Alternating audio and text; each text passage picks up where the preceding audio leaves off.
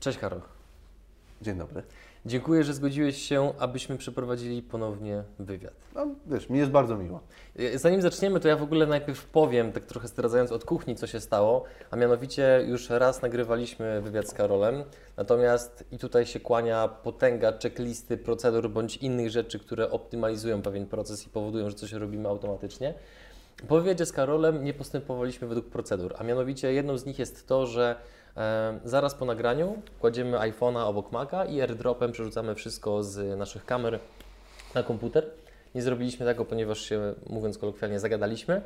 No i kilka dni później e, Bartosz Kolanek, który nas teraz słucha, nie widzicie go, chciał przekazać swój telefon, na którym była część materiału swojej dziewczynie, no i po prostu zrobił przywróć do ustawień fabrycznych. No jak się domyślacie, wycięło praktycznie cały materiał i to spowodowało, że znaleźliśmy się tutaj, natomiast nie ma tego złego, co by na dobre nie wyszło.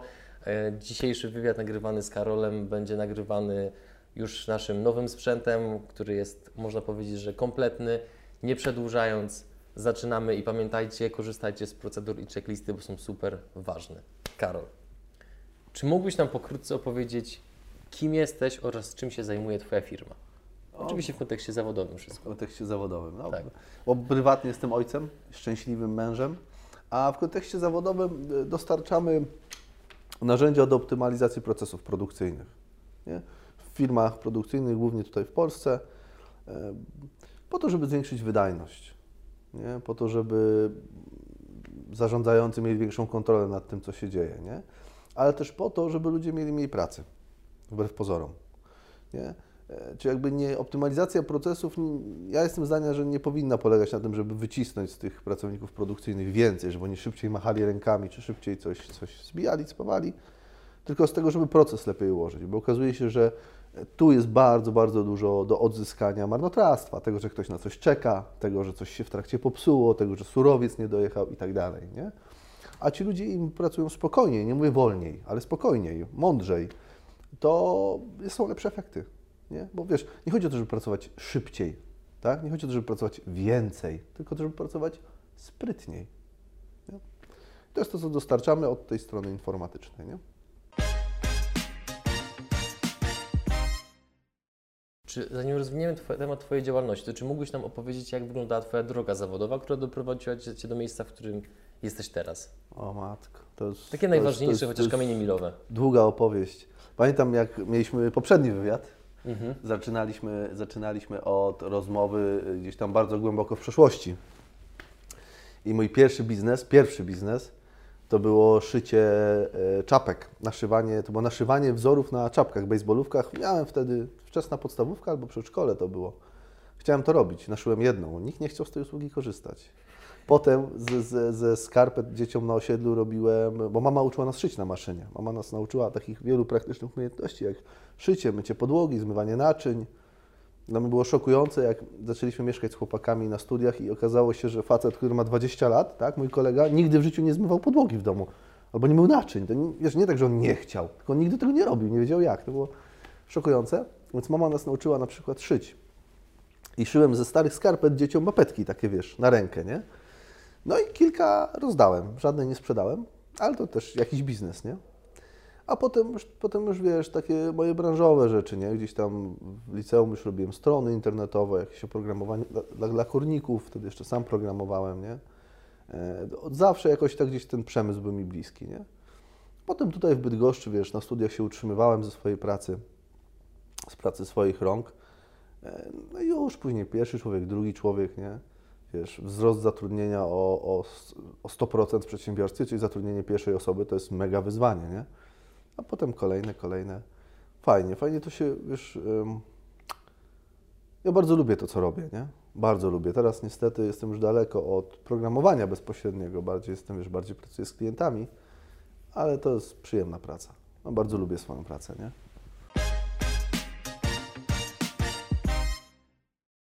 Czy mógłbyś podzielić się z nami przemyśleniami, w jaki sposób młody człowiek powinien jak najefektywniej wykorzystać czas pobytu na studiach?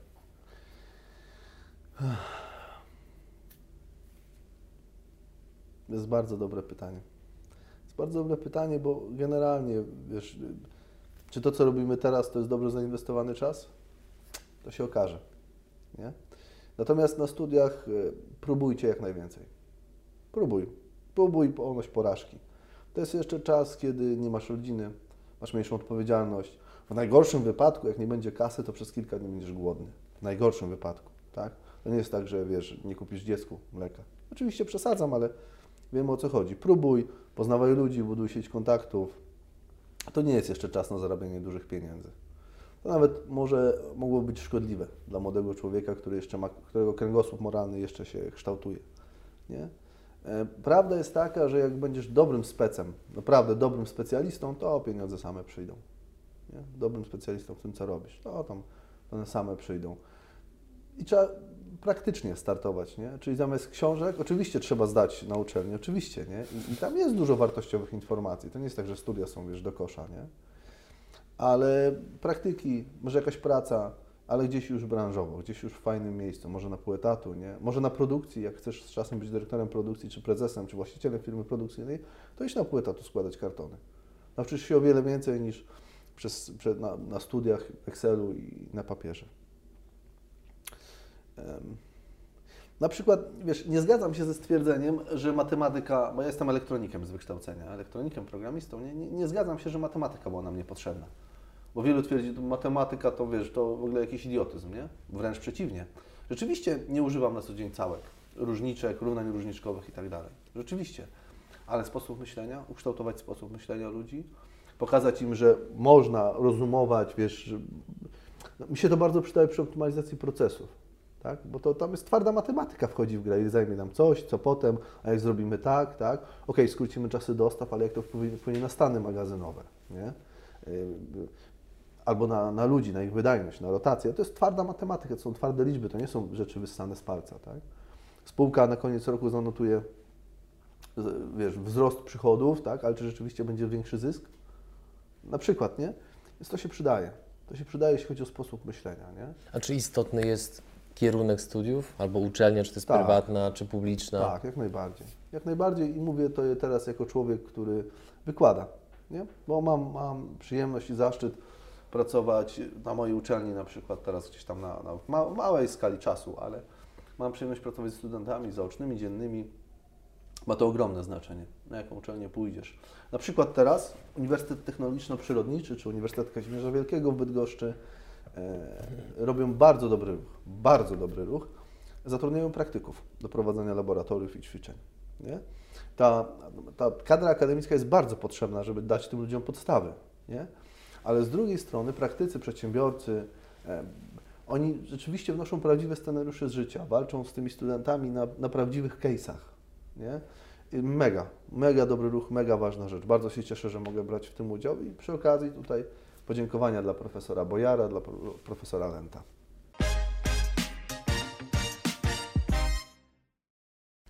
Rozwinę nieco wątek bycia przez Ciebie wykładowcą. Czy mógłbyś nam troszeczkę więcej opowiedzieć, jak wyglądają takie zajęcia z Tobą? Bo wiem, jak rozmawialiśmy poza kamerą, że podobno nikt się na Twoje zajęcia nie spóźnia. Podobno. To jest dość duże osiągnięcie i czy mógłbyś nam trochę więcej o tym opowiedzieć? Okej. Okay. Na moje zajęcia spóźniamy się tylko raz. Na pierwsze. Jeżeli ktoś się spóźnia, to tylko raz. Na, ośrodku szkoleniowo-wdrożeniowym tutaj na, na, na Wyżynach mam większe pole do popisu, bo tam prowadzę całe kursy. I to jest szkoła prywatna też, nie? Więc tam mogę tych studentów, troszkę tych ludzi troszkę bardziej wychować, bo zobacz, moją rolą jest nie tylko przekazać im wiedzę i przekazać im praktyczne scenariusze, czy, czy popracować z nimi na praktycznych scenariuszach, ale też trochę ich wychować, trochę ich nauczyć pracy. Czyli tego, że jak przychodzi ktoś taki jak ja, czyli wiesz, prezes, tak, który będzie ich nadzorował i będzie od nich oczekiwał, to będzie od nich oczekiwał, że robota będzie zrobiona, a nie, że oni robotę będą robić. Tak? Czyli, że będą dotrzymywać terminów, że te porcje pracy będą wykonane. I tego samego ducha chcę im przekazać na zajęciach. Nie? Czyli no, mam swoje sposoby na to, że jak się spóźnisz, tak, to, no to, to, to, to albo przestaniesz przychodzić na moje zajęcia, albo będziesz przychodził punktualnie. Nie? Ale z drugiej strony daję bardzo wartościowy content. Nie? I nie mówię tego na zasadzie, że ja tak twierdzę, tylko bardzo mocno pytam po każdych zajęciach studentów, po każdych pytam, słuchajcie, co było fajne, co nie było fajne, co mógłbym zrobić lepiej, nie? To chyba dość Czytam- niespotykane u wykładowców, co? Słucham? To chyba dość niespotykane u wykładowców, Wiesz żeby co? aż tak mocno pilnować jakości swojej pracy. No ale, ale za to mi płacą, nie? Tak naprawdę, tak? Mhm. Wiesz, a poza tym, wiesz, ja tam mam też inne scenariusze, bo mam też, to jest dla mnie pewna korzyść rekrutacyjna. Tak? Spotykam się z ludźmi, którzy potencjalnie mogą przyjść do mnie do pracy. Pewna też promocja dla mojej firmy, nie? Poza tym ja po prostu lubię robić dobrze to, co robię. Lubię nawet czasami trochę tam przesadzić, ale żeby to naprawdę było tak, wiesz, porządne. To jest moje nazwisko. Nie? Ale w biznesie, wiesz, trenerzy, ci najlepsi trenerzy też tego pilnują. Naprawdę czytają ankiety, ja też naprawdę czytam ankiety, nie? Jak ktoś mi da w skali od 1 do 6, 4 za coś, no nie wiem niestety kto, bo ankiety są anonimowe, to staram się grupy zapytać, ok, co mógłbym robić lepiej, nie? Już niekoniecznie chcę wiedzieć, kto mnie tak ocenił, ale, ale no okej, co mogę robić lepiej, co, jak, jak mogę wnosić większą wartość. To samo z klientami robimy, też ich regularnie badamy, nie? Wiesz, mamy tam dość wysokie oceny, y, dla mnie i tak za niskie, nie? Wiesz, no bo to też, też tutaj może podziękowania dla mojej mamy znowu, bo u mnie w domu było tak, że jeśli widzicie, jakie to ma znaczenie wielkie, teraz sobie dopiero zdaję sprawę. Było tak, że jak przynosiłem piątkę, tak, to było ok. Jak przynosiłem szóstkę, to było może być, no dobrze, tak, wiesz, ja tam miałem średnią 5-3 i tak dalej, ale co chcę powiedzieć, wiesz, są domy, w których jak dziecko przynosi dwójkę, to ok, zdałeś, nie?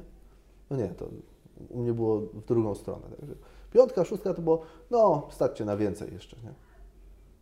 A to ja uważam to za bardzo dobre. To, wiesz, nie chodzi tutaj o pompowanie w dziecko yy, wiesz, chorej ambicji. Bardziej o to, żeby rzeczywiście się, wiesz, jak już coś robimy, to róbmy to dobrze. Nie? Jak to robisz, że ludzie się nie spóźniają? Chcę wiedzieć to na wizji. Dobra. W jednej dużej korporacji, w której kiedyś pracowałem, można sobie pogooglać, e, przyszedłem na konferencję, na sali było 200 ludzi.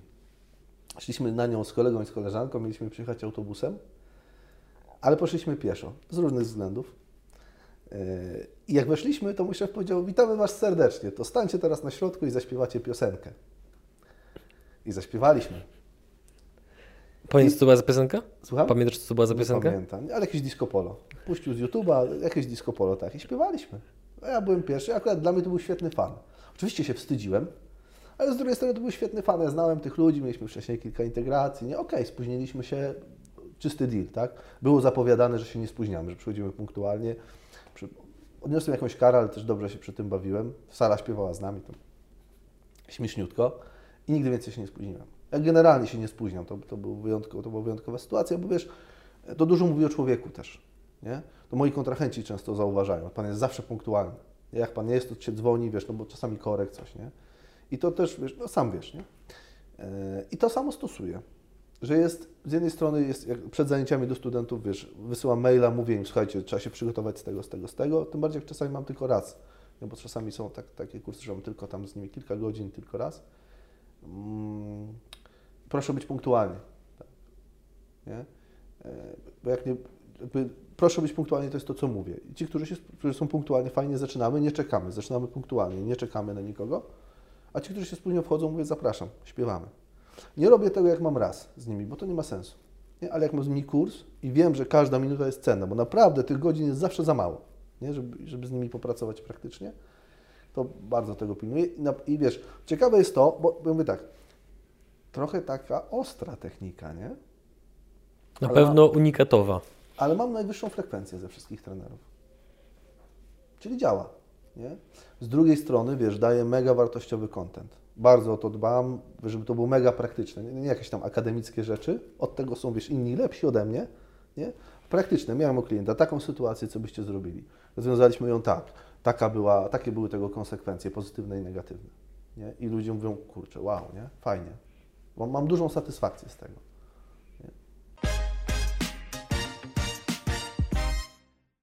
Pozostając wciąż w temacie studiów, kto był Twoim ulubionym wykładowcą i dlaczego?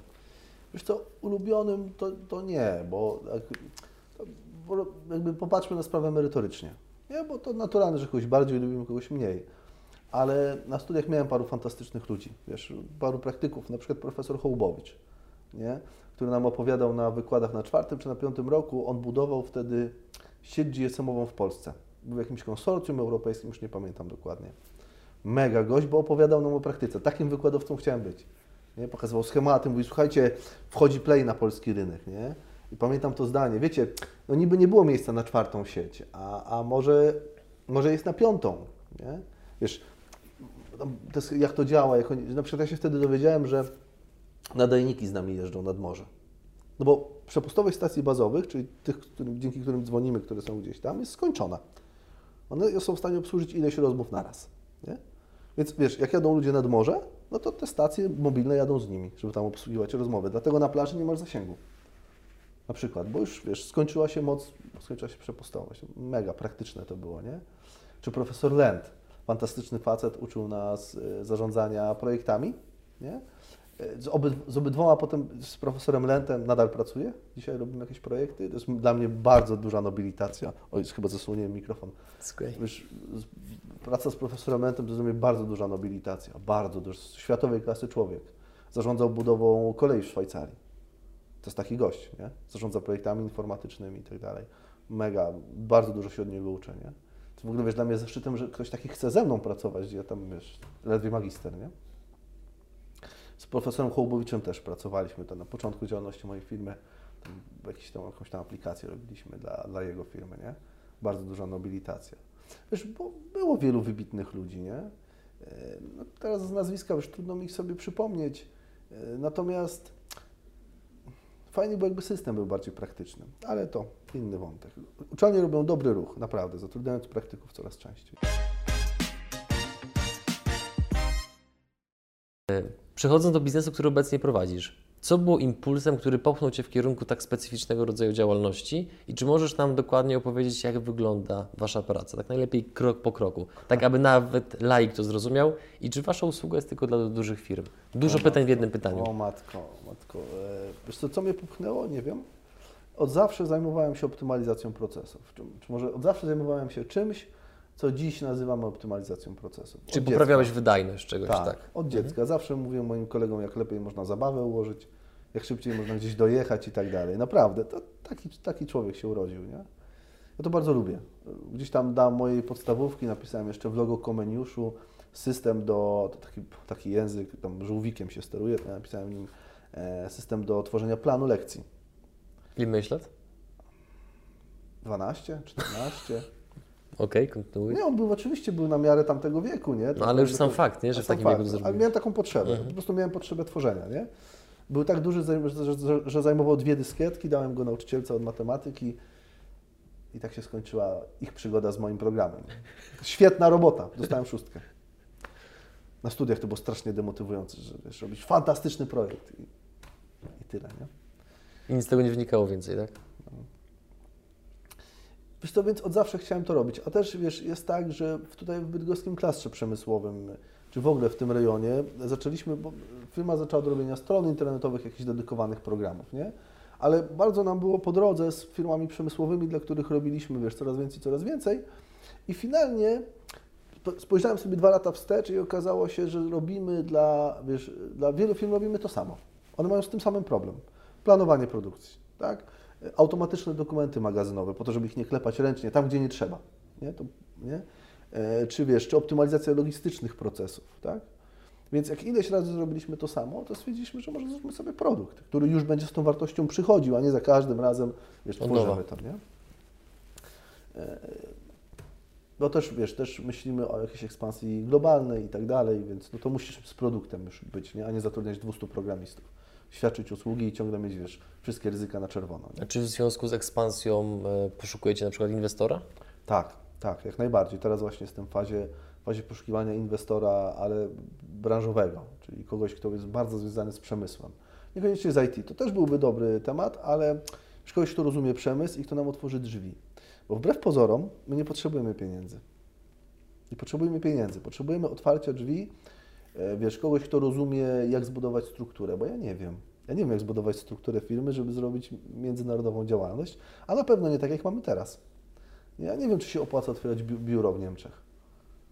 Wydaje mi się to dobrym pomysłem, wiesz, ale hmm, czy rzeczywiście, czy może pracować zdalnie, a tam mieć tylko przedstawicielstwo, nie? Czyli potrzebny jest inwestor, który wniesie w pewien sposób kompetencje, no tak, a nie gotówkę. Tak, mhm. najlepiej z rynku lokalnego, nie? Który pomoże zbudować sieć partnerów tam, no bo tu w Polsce jakąś budujemy i rozumiemy, jak to działa, tak, że jesteśmy producentem, a partnerzy wdrażają to nasze rozwiązanie i supportują klienta na miejscu. Bo jak to jest Kraków, czy to są Katowice, to musi być ktoś na miejscu, kto przyjedzie i, wiesz, i ogarnie temat. Można oczywiście wszystko załatwić zdalnie, ale przemysł lubi mieć na miejscu partnera. To uwzględniając to, że oglądają nas osoby o różnym poziomie wiedzy, to ja też będę tak starał się te pytania zadawać po to, żeby każdy mógł zrozumieć powiedzmy ten proces. Zakładam że po tym, co powiedziałeś, że ten, mm, ten cały jakby pomysł z inwestorem jest już dość w fazie takiej zaawansowanej. I co Wy jako firma takiemu inwestorowi oferujecie, żeby on zechciał zostać jakby Waszym partnerem, Waszym inwestorem? To bardzo dobre pytanie. Mówiąc wprost, udziały. Udziały w, w spółce i udziały w zyskach, nie? Czego oczekujemy? Otwarcia drzwi. Oczywiście jakiś kapitał będzie potrzebny, nie? Ale wiesz, nie, nie, nie chciałbym inwestora, który położy pieniądze, a potem będzie rozliczał z wyników. To oczywiście jest ważne, to rozumiemy. Ja już pracowałem z inwestorami, więc rozumiem, że wiesz, no ktoś wchodzi i wychodzi z inwestycji, Jasne. nie? Ale mm, nie finansowy, merytoryczny, praktyczny?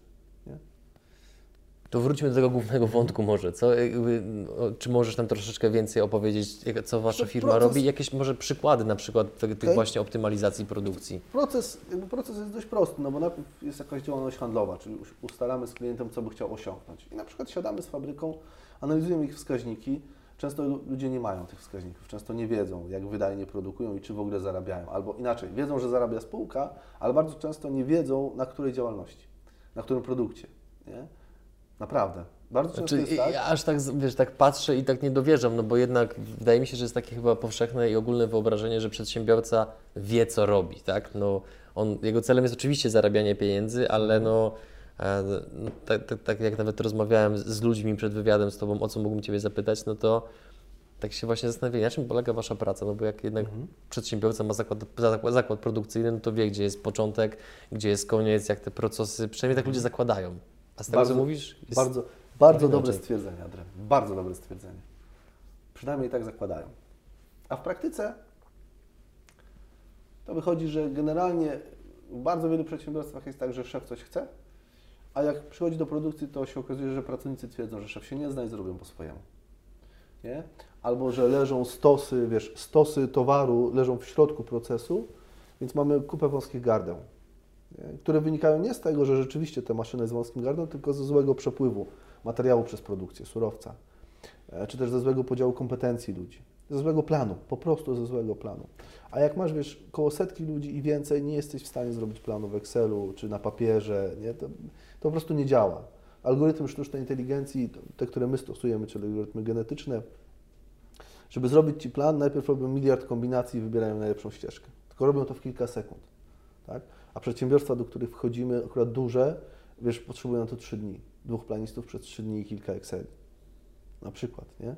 Bo tam masz, wiesz, masę procesów też zewnętrznych związanych z dostawcami w środku i tak dalej. Ale wracając do procesu, czy jest ten etap handlowy, na którym ustalamy, co byś chciał osiągnąć, nie? I na przykład klient mówi, ok, patrzymy w te chwile, mówimy, ok, ok, ok, tak, e, ustalamy 12% wzrostu w skali pierwszego roku po wdrożeniu, tak żeby wdrożenie się spłaciło.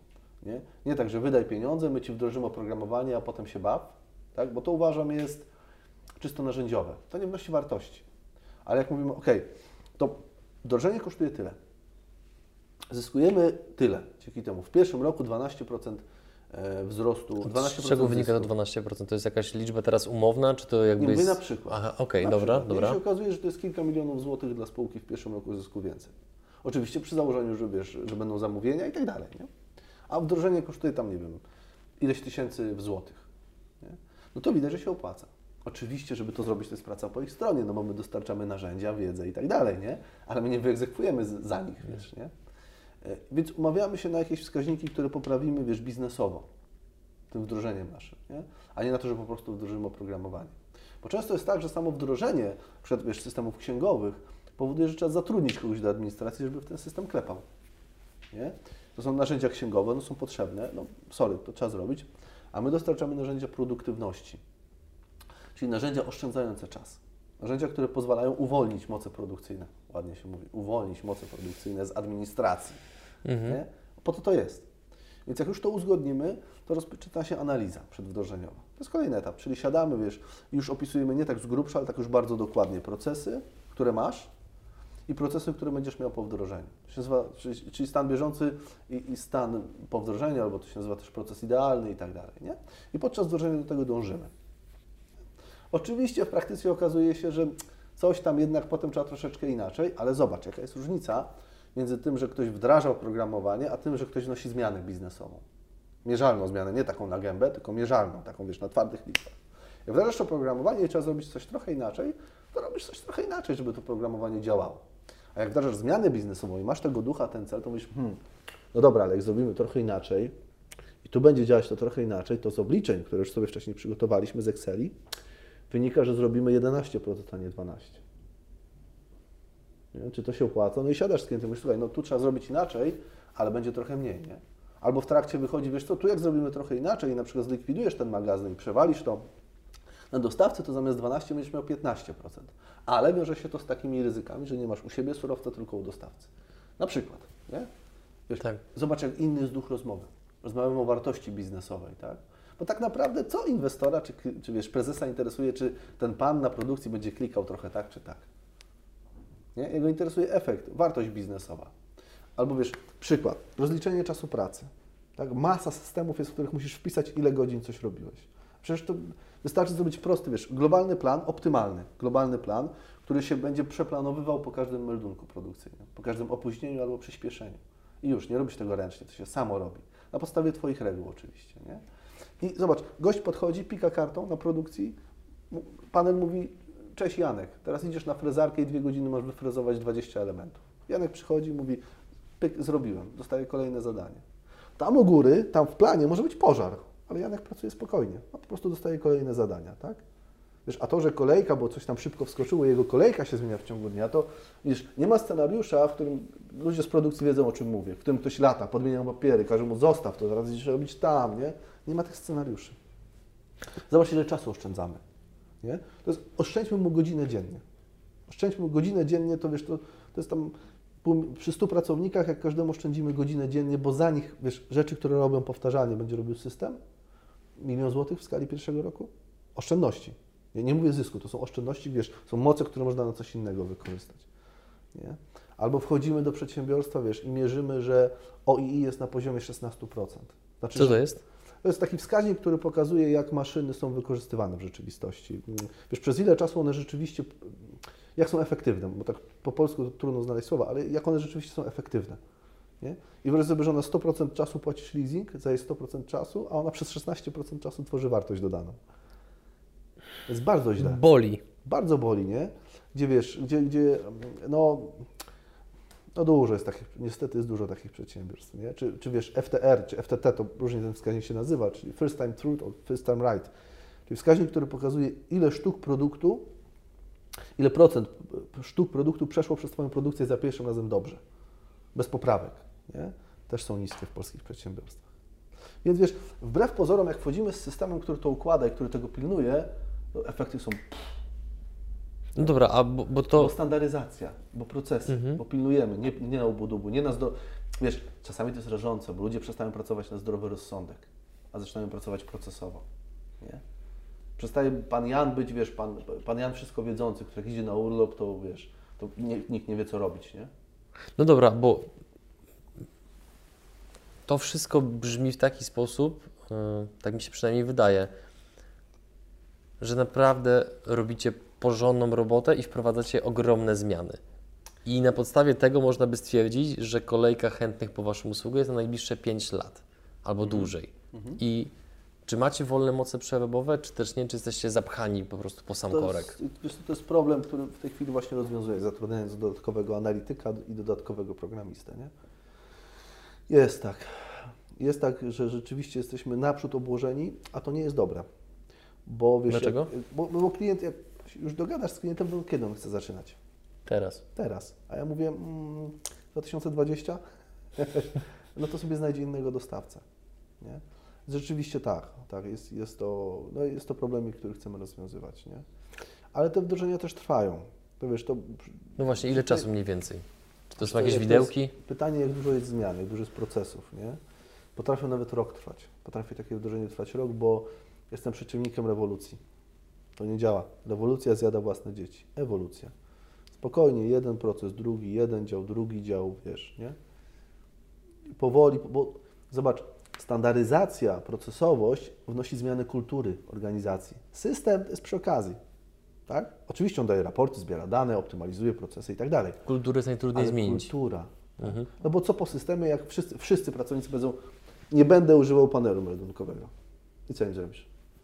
Nic. No i co zrobisz, nie? Mhm. Więc wiesz, szkolenia, to, że wiesz, że uświadomienie tym ludziom, że to im ułatwi pracę. Nie będzie papieru, będzie mniej błędów. Oni będą spokojniej pracować. Będą uczciwiej wynagradzani z rzeczywistych efektów, a nie z tego, że kierownik go lubi albo nie lubi. Nie?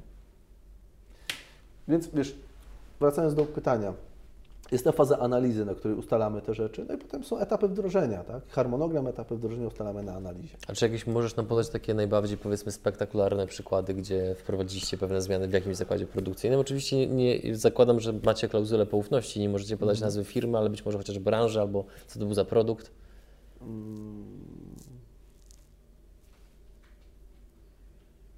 W poprzednim wywiadzie mówiłeś o kaloryferach chyba. Tak, rzeczywiście, szukałem, szukałem Tak, w pamięci tego, o czym tak. mówiliśmy w poprzednim wywiadzie. Tam, tam akurat na poufność jesteśmy dość, dość mocno czuli i, i wiesz, e, i to akurat o tym mogę mówić. E, Tam było, m, tam było tak, tam był taki scenariusz pod Warszawą firma, duże wdrożenie, 250 ludzi firma, większość na produkcji, w biurze mało, bo to produkcja ręczna, grzejniki robią, nie? Grzejniki są o tyle specyficzne, że jak on przejdzie proces, to już i na przykład ma dziurę na końcu, a kontrola jakości polega na zanurzeniu go w wannie. No jak bąbelkuje, to ma dziurę, jak nie bąbelkuje, to nie ma dziury, w uproszczeniu. Nie? Jak tam lecą z niego bąbelki na końcu procesu, to już się go nie cofa na początek procesu, tylko się go łata. Srebrem, złotem, platyną. Dlaczego akurat tymi surowcami? Nie wiem. Nie wiem, ale tak się to robi. Więc to jest mega drogi surowiec, nie? I ta, wiesz, na potęgę marża była na tyle duża, że właściciel tak, tak na to patrzył, dostał firmę po ojcu, wiesz, nie? E, A, a, a mm, na potęgę go okradali z tych surowców. Nie? To jest jeszcze pół biedy. Bo to jest Okradali pracownicy. tak. No 70% Ukraińców, dla których to nie jest stała praca. Z całym szacunkiem do ludzi, bo to są, Ukraińcy są świetni pracownicy. Naprawdę, masa ludzi ich chwali, nie? Tam akurat była taka atmosfera. Ale problemów było więcej, bo, bo oglądałem filmy z security, z nagrań, wiesz, z kamery, gdzie, o, dzięki, gdzie, gdzie ludzie ładowali na przyczepkę, wyobraź sobie, te rurki metalowe, bo taka rurka się zawsze przyda, nie? Zawsze się przyda w domu, na działce, wiesz, nie? Tak, oczywiście. rurki metalowe na przyczepkę i wiesz, i przyczepka podjeżdżał samochód w środku dnia, w biały dzień, ileś rurek i w skali, wiesz, iluś milionów tych grzejników. Był to stały element y, Stały procesu element- funkcjonowania tak, przedsiębiorstwa. Tak, stały element procesu. Straty, wiesz, Tak. stra, y, rozchody magazynowe, rozchody, nie? Wiesz, tylko to są jakieś patologie, nie? Ale tam był problem z kulturą, bo był facet, który tam pracował 26 lat, 5 jakoś tak. Najstarszy z y, ludzi wiercących, nawiercających rurki. Oni kiedyś wiercili te rurki ręcznie, potem mu kupili taką, taką maszynę, która wiesz, on przyciskał wajchę i ona wierciła. Nie? I on tam robił bzyt i wierciła. Bzyt, no to była jego praca, 8 godzin. On siedział w środku takiego, tego jakby ich parku przemysłowego, siedział w środku, tam najstarszy pracownik, czy jeden z najstarszych. E, I zaczęliśmy po wdrożeniu go liczyć. Nie? To było szokujące, bo to nie wyszło na analizie. Myśmy go liczyć i mówimy, tak mówię, idę do programistów, patrzę te raporty, mówię, chłopaki, no chyba mam jakiś błąd w Optimesie. Naprawmy go, zanim klient się zorientuje, nie? No bo jakby to naturalne, nie? Zanim zobaczą oni te raporty, to my naprawmy coś, co źle liczymy. Wiesz, Oczywiście. nie? I poszło na to ileś godzin i sprawdzają, sprawdzają. Mówię, Ka- mówią, Karol, no nie, no dobrze liczymy, nie? Facet tych nawiertów i to naprawdę bzz, robił trochę ponad 3 dziennie, 3,2 dziennie. Gdzie przez, dzień, gdzie, gdzie przez dzień rozumiemy 8 godzin. I mówisz tak, niemożliwe, no jakim cudem? Jakim cudem gość, który siedzi wiesz, w środku procesu, nie, ich było oczywiście iluś, on nie był sam, to kierownik tego nie widzi? No właśnie, no jak mówisz, jak to możliwe? No, przez 8 godzin? Nie? Wiesz, to, taka patologia. Więc wiesz, no tam było bardzo duże pole do popisu. Tam spółka, spółka zaczęła, wiesz, w pierwszym roku po wdrożeniu 12 milionów zysku netto więcej, nie? 12, 12 milionów zysku milionów. netto. 12, no, no ale to wiesz, to jest duża działalność, nie? To jest jest duża marża i tak dalej. Nie? 12 milionów zysku netto. Nie? A nie mówimy o oszczędnościach, mówimy o czystym zysku, wiesz, na, na, na papierze, nie?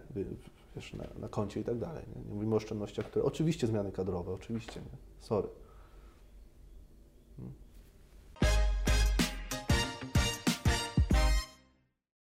Pozostając w temacie produkcji, czy możesz nam w takim razie opowiedzieć, jakie są najczęstsze bolączki firm produkcyjnych w Polsce?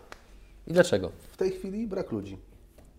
Co, jeśli mówimy o tej procesowości, to bardzo często jest tak, że właściciel jest świetnym specjalistą.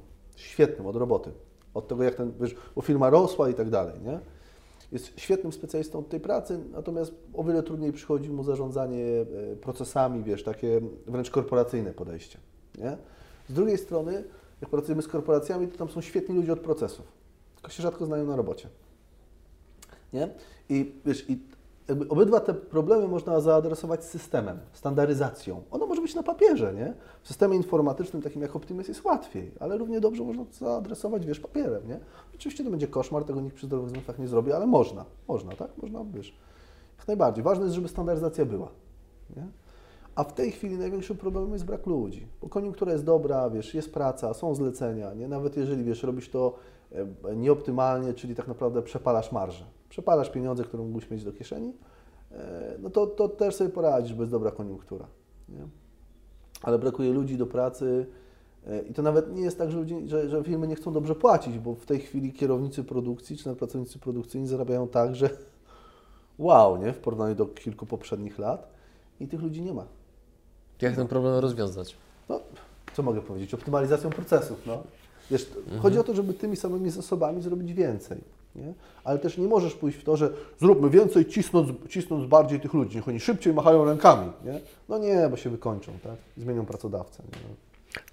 Ci, y, kiedy pytałem o to, jak ten problem można rozwiązać, to chodzi mi mm, o to, czy przedsiębiorcy mogą w jakiś sposób robić coś inaczej, żeby tych ludzi przyciągnąć do siebie po prostu? Czy, czy może robią, bo powiedzieli, że zarabiają ludzie dość dobrze, w porządku, ale czy są jakieś takie inne czynniki motywacyjne, które zakłady produkcyjne mogłyby wdrażać po to, żeby ludzie chcieli akurat u nich pracować? Wiesz co, oczywiście. To samo co, wiesz, to samo co w każdej branży tak naprawdę. Czyli? Lekka praca, dobrze płatna, satysfakcjonująca, mhm. rzeczywiście satysfakcjonująca, fajny system motywacyjny, wiesz, uczciwe rozliczenie wynagrodzeń, a nie premie uznaniowe od kierownika. Nie? To samo co wszędzie. Świeże owoce rano.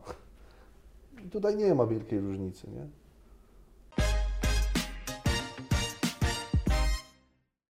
Przejdźmy do kasy. O, o, chętnie. Ile kosztuje zatrudnienie Twojej firmy i w jaki sposób to się odbywa? Hmm. Czy można jakieś widełki podać? Co, bardzo dobre pytanie. Generalnie pracujemy, nasze wynagrodzenie składa się z dwóch rzeczy.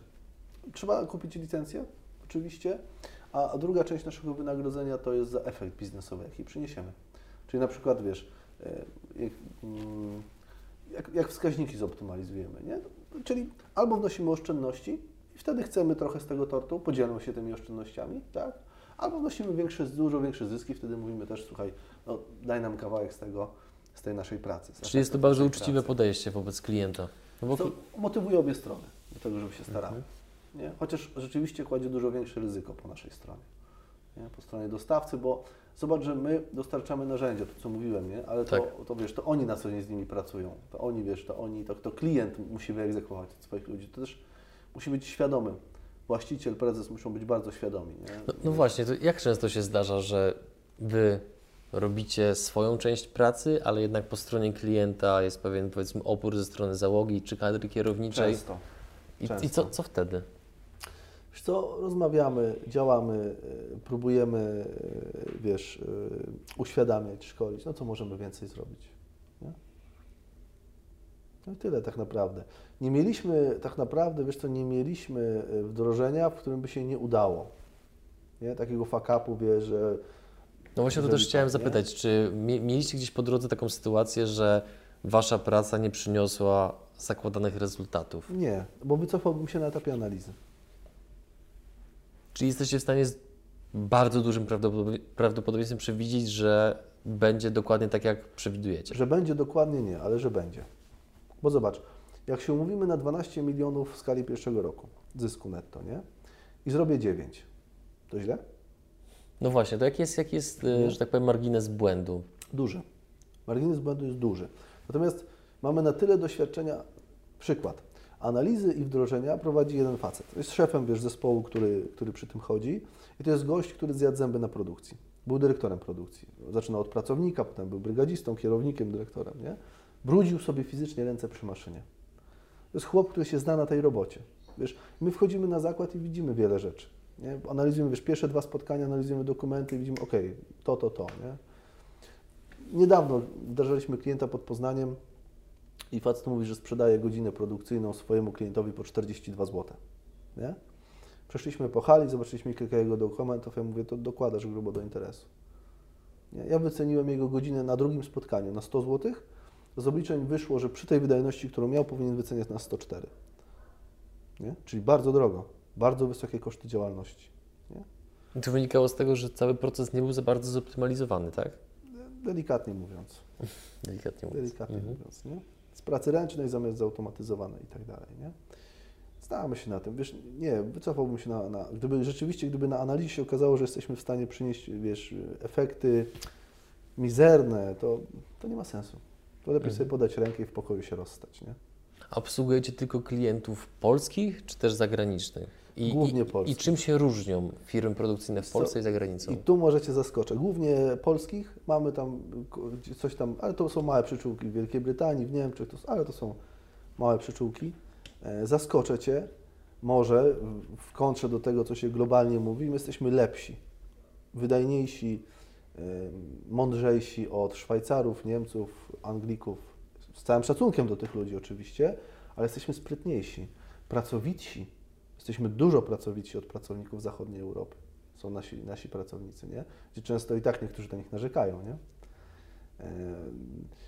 Przykład, nawet trenerzy, z którymi się stykam, wiesz, zagraniczni, mówią, że oni są zszokowani w Polsce. Wiesz, jest korporacja i w Polsce ci trenerzy zagraniczni, tu u nas robią szkolenia trenera, że oni są zszokowani poziomem zaangażowania naszych pracowników produkcyjnych w proces albo w, sam, w same szkolenia, że oni chcą, że proponują zmiany, że narzekają. Owszem, narzekamy. No to jest że nasz minus narodowy, ale uważam, że nasi są sprytniejsi, lepsi, mądrzejsi od, od zachodnich kolegów, gdzie koszty pracy za chwilę będziemy mieli podobne już, nie? Wiem, to może być zaskakujące.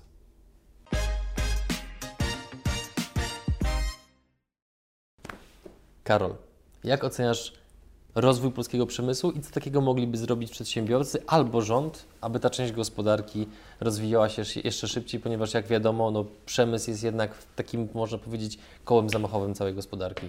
Jest, to prawda. Wiesz co, ja akurat oceniam bardzo dobrze. Koniunktura nam mega sprzyja. To się zmieni około 2020 roku, ale na razie nam sprzyja, więc będziemy szli do przodu, pracy będzie więcej. Mówię, my jako przemysł, bo czuję się jednak bardziej częścią przemysłu niż Jasne. częścią IT, nie? Eee, Co możemy zrobić? Bardzo prostą rzecz. Zmniejszyć grzywnę w postaci podatku dochodowego. Tak? To nawet ostatnio pan premier powiedział, że zmniejszenie CIT-u rzeczywiście spowodowało większe wpływy do budżetu. Tak, sam, sam widziałem ten artykuł, to No, prawda. Jest, to, jest, to są rzeczy oczywiste. Oczywiście mamy krzywą Lafera, tak? Tak. Gdzie, jest ten punkt, ale na razie uważam, że tą grzywnę można by jeszcze zmniejszyć. A dlaczego mówisz, że to jest grzywna? No, a to nie uważasz, że to jest mechanizm grzywny? Ale nie, nie, nie, to nie jest ważne, co ja uważam, bo ja się z tym zgadzam, ale chciałbym, żebyś wytłumaczył, dlaczego z Twojego punktu widzenia to jest grzywna. Nie, no to jest mechanizm grzywny, nie? To jest mechanizm tego, że im więcej pracujesz, im jesteś sprytniejszy, pracujesz mądrzej, im więcej zarabiasz, tym większą karę płacisz, nie? No to jest mechanizm grzywny. Tak kiedyś powiedział chyba Jan Kulczyk, że to jest e, przestępstwo, by karać ludzi za to, że pracują dłużej, ciężej, Ciężej. wcześniej wstają, więcej ryzykują tak dalej. Oczywiście, nie? Zgadzam się. Nie, Wiesz, bezdyskusyjne jest to, że potrzeba pieniędzy na utrzymanie szpitali, budowę dróg i tak dalej. Bezdyskusyjnie się z tym zgadzam, nie? Tylko może są na to inne sposoby. No bo z drugiej strony, jeżeli ktoś, znaczy jeżeli rząd ob- obniża podatki, to też powoduje, że przedsiębiorca ma dużo mniejszą motywację, żeby uciekać od ich Oczywiście, płacenia. Że tak, żeby kombinować. Tak. Oczywiście, że tak. Ale wiesz, też zobacz, płacisz pracownikowi 5 tysięcy złotych, tak? Z kosztami pracodawcy i tak dalej. On dostaje 3. No 3,5 powiedzmy, To tak? jest bardzo duża różnica. Ty mu płacisz 5, a on od Ciebie dostaje 3,5 i mówi, Ty mi płacisz 3,5, a Ty mówisz, nie, nie, to ja Ci płacę 5, nie? A po drodze, wiesz, są te koszty, o których mówimy, więc mm, wiesz, inwestowalibyśmy więcej, ryzykowali więcej i tak dalej, nie? Ale myślę, że temat jest tak oczywisty, że, że tam Ale jak jesteśmy przy temacie podatków i tego typu różnych rozwiązań dla przedsiębiorców, to czy mógłbyś troszeczkę no, wspomnieć o bydgoskim parku Tak, przemysłowo-technologicznym? bardzo, bardzo fajny temat. Tam e, można uzyskać dzięki inwestycji, to wcale nie dużej, naprawdę, z punktu widzenia wiesz, fabryki, którą się buduje, to tam groszowe inwestycji, można uzyskać zwolnienie z podatku dochodowego na 10 lat. To jest bardzo długo. To jest bardzo długo, to jest 19% pieniędzy więcej, wiesz, 19%, tak? Mhm. Pieniędzy No jedna więcej. piąta. Mhm. No to wiesz, bardzo fajny temat. W ogóle Bydgoski Park Przemysłowy bardzo fajnie działa pod tym względem, nie? Generalnie jest dużo dobrych inicjatyw. Teraz targi Innoform w przyszłym tygodniu, wtorek, środa, czwartek. Za chwilę z klastrem przemysłowym jedziemy na Plastpol. Wiesz, y, fajnie. W Bydgoszczy naprawdę przemysł jest mocny, bardzo fajnie działa. Mamy dużo mądrych ludzi. Dużo mądrych ludzi, którzy zbudowali firmy własną kwawicą produkcyjne i wiedzą, jak to robić, nie? I, i mądrze budują cały rejon. A to w bydgoskim parku to głównie powstają firmy polskie czy też zagraniczne? Głównie zagraniczne. Są dla... oddziały zagraniczne. a według Ciebie dlaczego? Kapitał swoje robi. Nie? No wiesz, e, pokaż mi ludzi w, tutaj w naszej okolicy, których stać na to, żeby wyłożyć 150 milionów złotych na budowę fabryki. No jest ich No, kilku. kilku. Nie? Jeszcze trzeba policzyć opłacalność, stabilność prawa. Wiesz, bo opłacalność to jest jedno, ale stabilność prawa. Tego, że wiesz, dziś zbudujemy, a za dwa lata ktoś nam nie przywali dodatkowego podatku. Nie? Gdzie w krajach, w krajach anglosaskich, szczególnie w UK, stabilność prawa jest mega. Jest ogromna. Tam się w prawie podatkowym nie zmieniło nic od wielu, wielu lat. W zeszłym roku jakieś zmiany były wprowadzane, to były jakoś szeroko bardzo konsultowane, a to były jakieś tam drobniutkie zmiany. Nie? Wiesz, gdzie u nas, gdzie u nas no, co rok się zmienia coś, nie? co kwartał się coś zmienia. Jest dość to regularne. Wiesz, popatrz na update'y programów księgowych, narzędzi do, wiesz, do księgowania. Co, co, co miesiąc jest update, nie? Co miesiąc jest coś tam, wiesz, nie? E, Gdzie, wiesz, ym, przykład mojego kolegi, który się zastanawiał, czy zbudować fabrykę tu czy tam i nawet w jakimś wywiadzie po, bardzo podobną myśl słyszałem o jakimś dużym przedsiębiorcy. Bardzo podobną myśl, a z dwóch źródeł. I ta myśl polega na tym, że jak tutaj budujesz fabrykę, to musisz się wystarać o pozwolenia, wiesz, to, tamto, tamto, nie? A w Stanach, jak zrobił facet fabrykę, to strażak do niego przyszedł, to strażak do niego przyszedł i mu poukładał tematy. I mu podziękował, że jest, że inwestuje w ich regionie, nie? Wiesz, Też to i tak słyszałem. dalej, nie? I, i, par, I parę takich innych służb, bo oni rozumieją. Że biznes napędza Tak. całą jakby okolicę wręcz. Daje pieniądze po prostu rodzinom.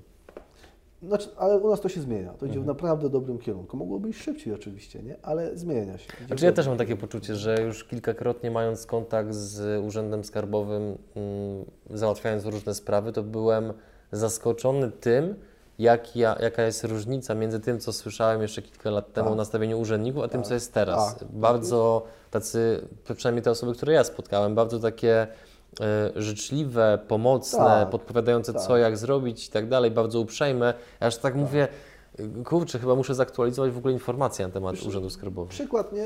E, Przykład, e, parę lat temu, jak ja, o, to już, to już parę ładnych parę lat temu, jak zakładałem jeszcze wtedy jednoosobową działalność, e, to wtedy baliśmy się Urzędu Skarbowego, że jak nie zapłacisz, tam się pomylisz o 2 zł, to od razu przyjdzie mandat skarbowy, nie? W tej chwili chyba w zeszłym roku nie dopłaciłem z jakichś tam powodów 9 zł podatku. Ileś tysięcy tego podatku płacisz i tam się jakoś 9 zł 20 groszy.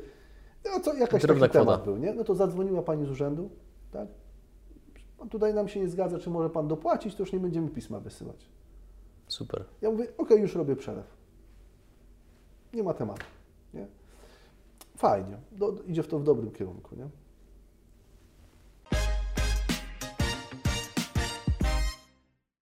Rozmawiajmy teraz trochę o zarządzaniu zasobami ludzkimi, żeby tak mądrze brzmiało. Albo po prostu wprost. W jaki sposób zatrudniasz ludzi i co decyduje o tym, że kogoś decydujesz się zatrudnić do swojej firmy lub też nie? Okej, dobre pytanie. Dobre pytanie, bo ostatnio mnie pytałeś o to, czy jestem w tym dobry. I odpowiedziałem otwarcie, że nie. Nie, chociaż rzeczywiście prawdą jest, że jak masz problem z człowiekiem, jakiś, jakikolwiek, tak, z pracownikiem, to rzeczywiście popełniłeś błąd na rekrutacji. Głównie to są, to są problemy rekruta- rekrutacyjne, że on nie, nie do końca zrozumiał, co będzie jego obowiązkiem, albo że on się na coś innego nastawiał, a ty już potrzebujesz, żeby coś innego, jakieś inne obowiązki pełnił, nie? Tak. E, Natomiast ja patrzę na drugim miejscu na kompetencje, na pierwszym na kręgosłup moralny.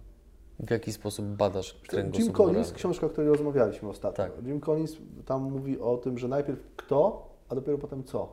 Nie, nie mam dobrego sposobu na zbadanie, wiesz, tego, jaki jest czyjś kręgosłup moralny. Nie mam. Natomiast y, no, robię to na czuja. Ale wiesz, są proste rzeczy. Na przykład, jeżeli ktoś zmienia pracodawcę co roku, ma w CV, tak, to ja go nie zatrudnię. Bo za rok to, Bo? on, bo za rok to, za rok to on dopiero zacznie dobrze pracować. Rok on się będzie uczył. Nie? Przez rok inwestujesz w niego. Dokładnie. Dokładasz do niego, nie? Ja mam, wiesz, ja mam ludzi ze stażem, którzy są ze mną od początku firmy, nie? Wiesz, i to jest ileś ładnych lat, gdzie przecież na rynku IT dwa lata w jednej firmie to jest długo już, nie? A oczywiście, wiesz, podwyżki, wiesz, regularne podwyżki, oczywiście dobra atmosfera, oczywiście, wiesz, to jest ich firma, a nie moja, oddaję im wiele decyzji, żeby czuli, bo rzeczywiście w wielu decyzjach nie czuję się kompetentny, nie? w technicznych decyzjach, no bo nie siedzę w tych tematach, wiesz. Mi się wydaje, że zde- że zdecydowałbym lepiej od nich. Nie? To chyba dość nietypowe, co dla y, właściciela firmy, żeby otwarcie i wprost mówić. Czemu? No bo jednak No, ale, znowu... wiesz, ale jesteś liderem czy szefem? Znaczy tak, tak, ja znowu absolutnie się z tym zgadzam, tylko no, niejednokrotnie widzę przypadki takich zachowań, gdzie przedsiębiorca zamiast zachowywać się jak lider, bardziej dąży do tego, żeby być samcem alfa, który ma zawsze, jego, jego, jego, jego zawsze jest powiedzmy, je- jego zdanie jest zawsze na wierzchu, nie? Więc takie podejście jest chyba bardzo cenne i też wydaje mi się, że to jest jeden z takich powiedzmy czynników wpływających na to, że Twoi pracownicy są tak długo z Tobą. Może tak. Mam nadzieję. Wiesz, mam nadzieję. Eliminujemy jednostki, które, wiesz, na przykład niszczą atmosferę zaufania. Nie? Niszczą atmosferę... Nawet jeżeli są dobrymi specjalistami? Tak, Czyli to jest aż tak istotne. tak. Jest kluczowe. Kręgosłup moralny jest kluczowy, bo wiesz, to jest kwestia zaufania, tak?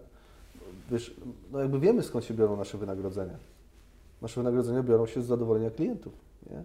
Ale żebyśmy byli, mo- mogli być sprawni w środku, y, no to, to musimy mieć ze sobą grube zaufanie. Nie? Więc jeżeli ktoś to zaufanie burzy, y, no to, to nie ma dla niego miejsca.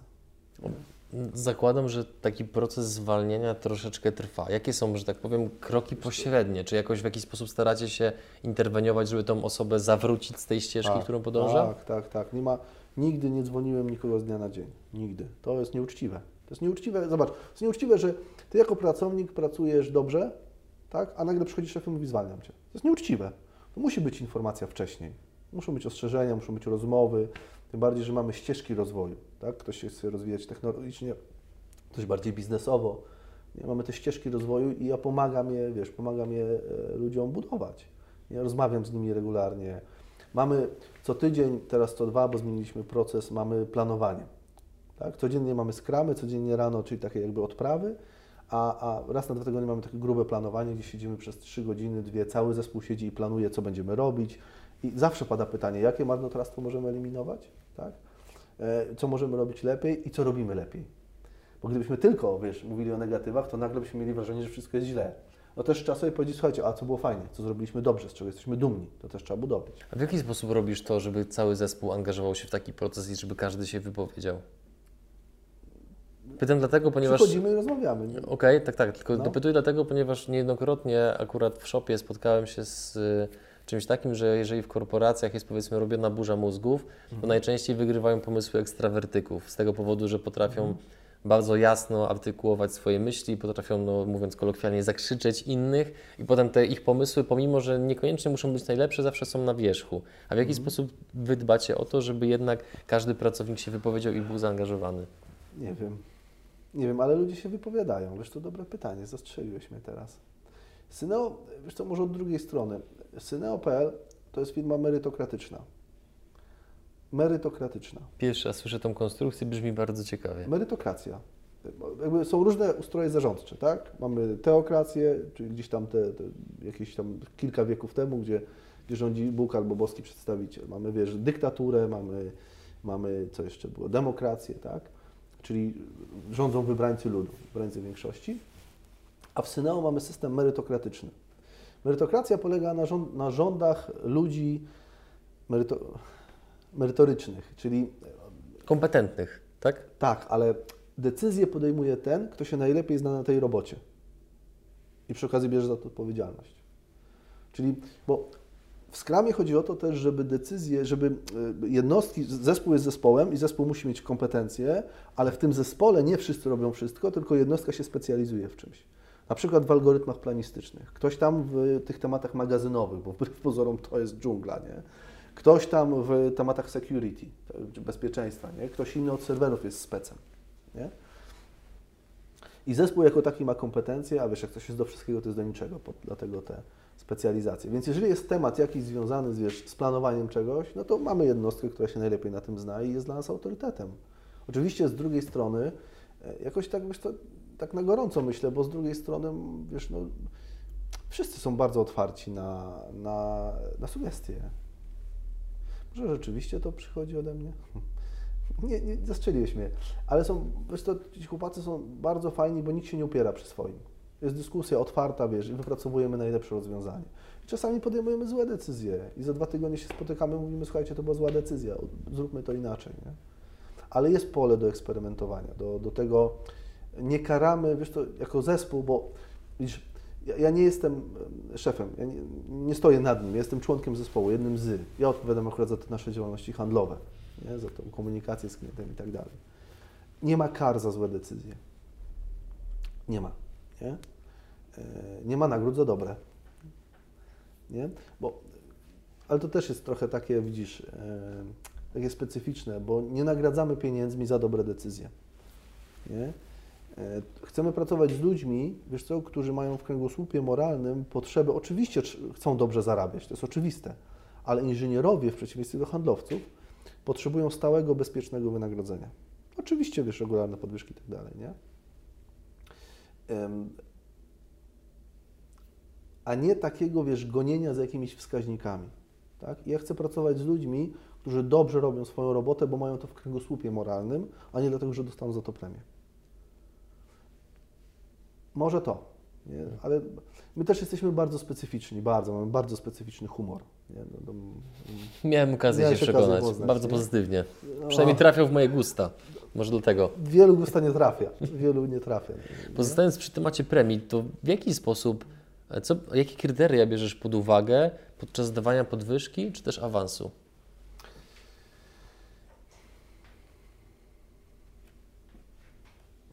Efekty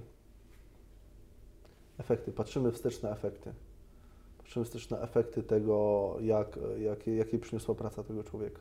Wiesz, a firma jest na tyle mała, że nie muszę mieć nawet na to jakichś, wiesz, e, twardych wskaźników, chociaż wskaźniki mamy. Mamy bardzo wskaźnikowaną firmę i bardzo tych wskaźników pilnujemy.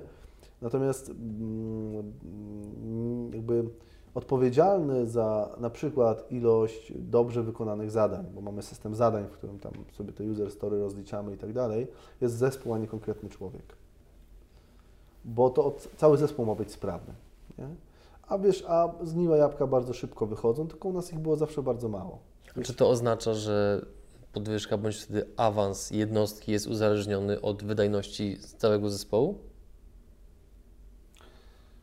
Hmm Wiesz co, od wydajności yy, niekoniecznie. Bardziej od tego, że nie popełniamy błędów. Bo u mnie nie jest wcale, wcale nie jest dobrym pomysłem, żeby robić szybko. U mnie wręcz trzeba robić wolniej. Bo zobacz, co jest lepiej? Zrobić szybko zadanie i potem, żeby wrócił jakiś błąd od klienta, którego nie przewidzieliśmy, bo za mało testowaliśmy? Czy zrobić wolniej, ale oddać bez błędów? Czyli powoli, ale płynnie. Tak, bo zobacz, sama ilość nawet małych błędów, jak wpływa na zaufanie klienta do naszej aplikacji. Nie?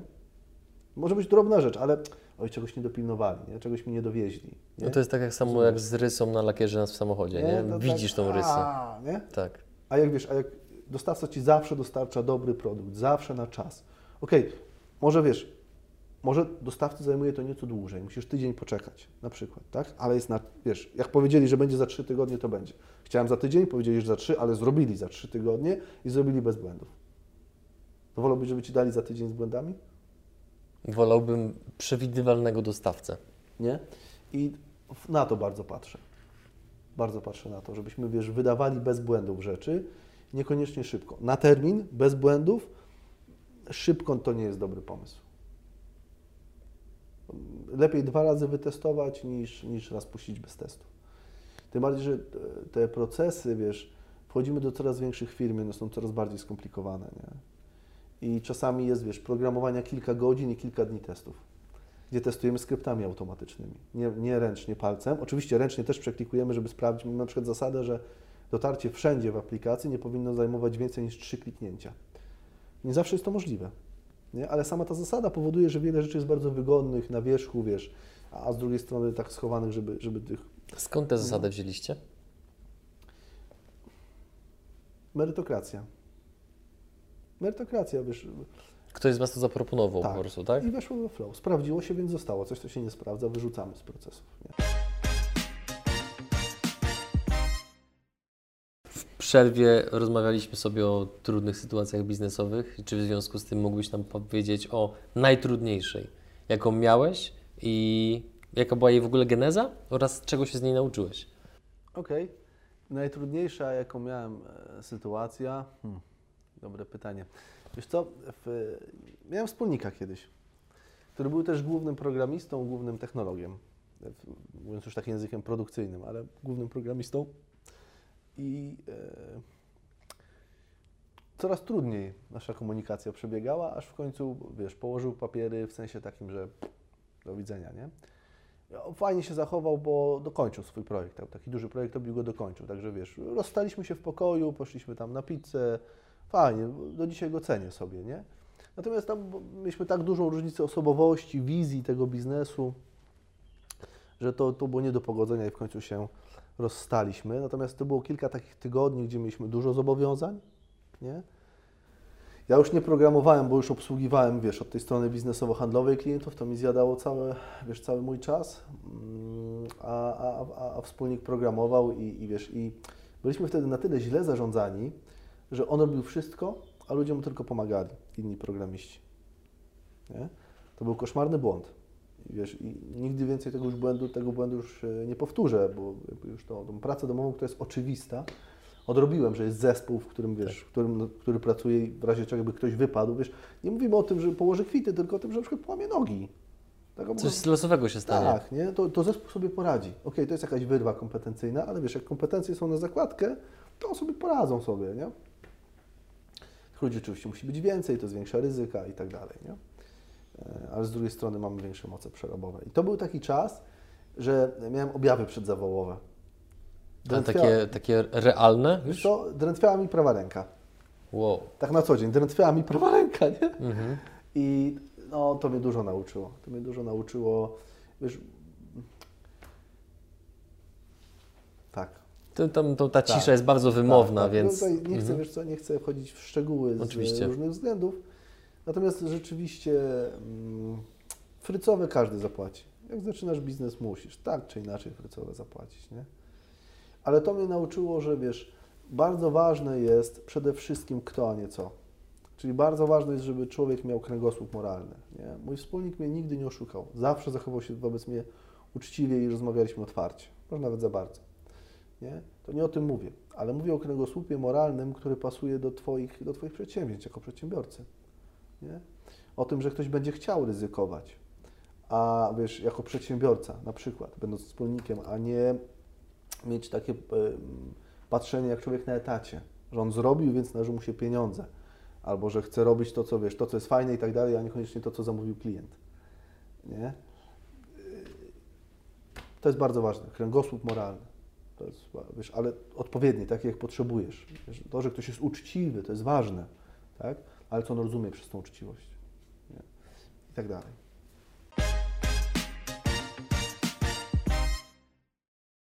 Porozmawiajmy trochę teraz o lifehackach. Jaką jedną czynność wykonujesz na co dzień, której nie wykonuje większość społeczeństwa? I jakie to przynosi Ci efekty? Nie wiem, chyba nie mam takiej, wiesz, chyba nie mam takiej czynności. Natomiast to, co rozmawialiśmy tutaj, bardzo ważna rzecz, monotasking, monozadaniowość, czyli jednozadaniowość, mówiąc po polsku. Bardzo ważna rzecz. Wielozadaniowość nie działa. Zrobisz wszystko, czyli nic. Zrób jedno, skup się na tym i dopiero zrób kolejne. Skup się na tym, ale jak wybrać to jedno? Które to jest to jedno? To jest kwestia priorytetów. Co ważniejsze jest? Sprawdzić maile, czy podzwaniać do klientów? W jaki sposób oceniasz, co jest ważniejsze akurat w Zmieniam. tym momencie? Wiesz to ja akurat mówię tak, skoro nie potrafię podjąć decyzji, nie wiem, co jest, wiesz, powiedzmy byliśmy dwa lata temu, nie wiem, co, będzie, co jest dla mnie najważniejsze w tym momencie, to okej, to ułóżmy sobie jakieś priorytety, tak? Na przykład najpierw obsługuję moje zadania w ERP-ie, potem robię działalności handlowe w ERP-ie, tak? Bo ja też mam zadania takie, wiecie, kupić serwer, zrobić takie, nie? Też mi chłopacy wbijają. A potem robię maile. Na przykład, nie? Takie priorytety. I wiesz, i za jakiś czas to zmieniam i obserwuję efekty. Patrzę, wiesz, na efekty, ale na twardych liczbach, na wykresach, tak? Jak nasz cashflow na przykład wrósł, wiesz, rósł, jak szybciej, e, wiesz, szybciej obsługiwałem klientów, tak? Albo jak zmieniliśmy sposób ofertowania, co się stało, nie? I tak dalej, i tak dalej. Nie?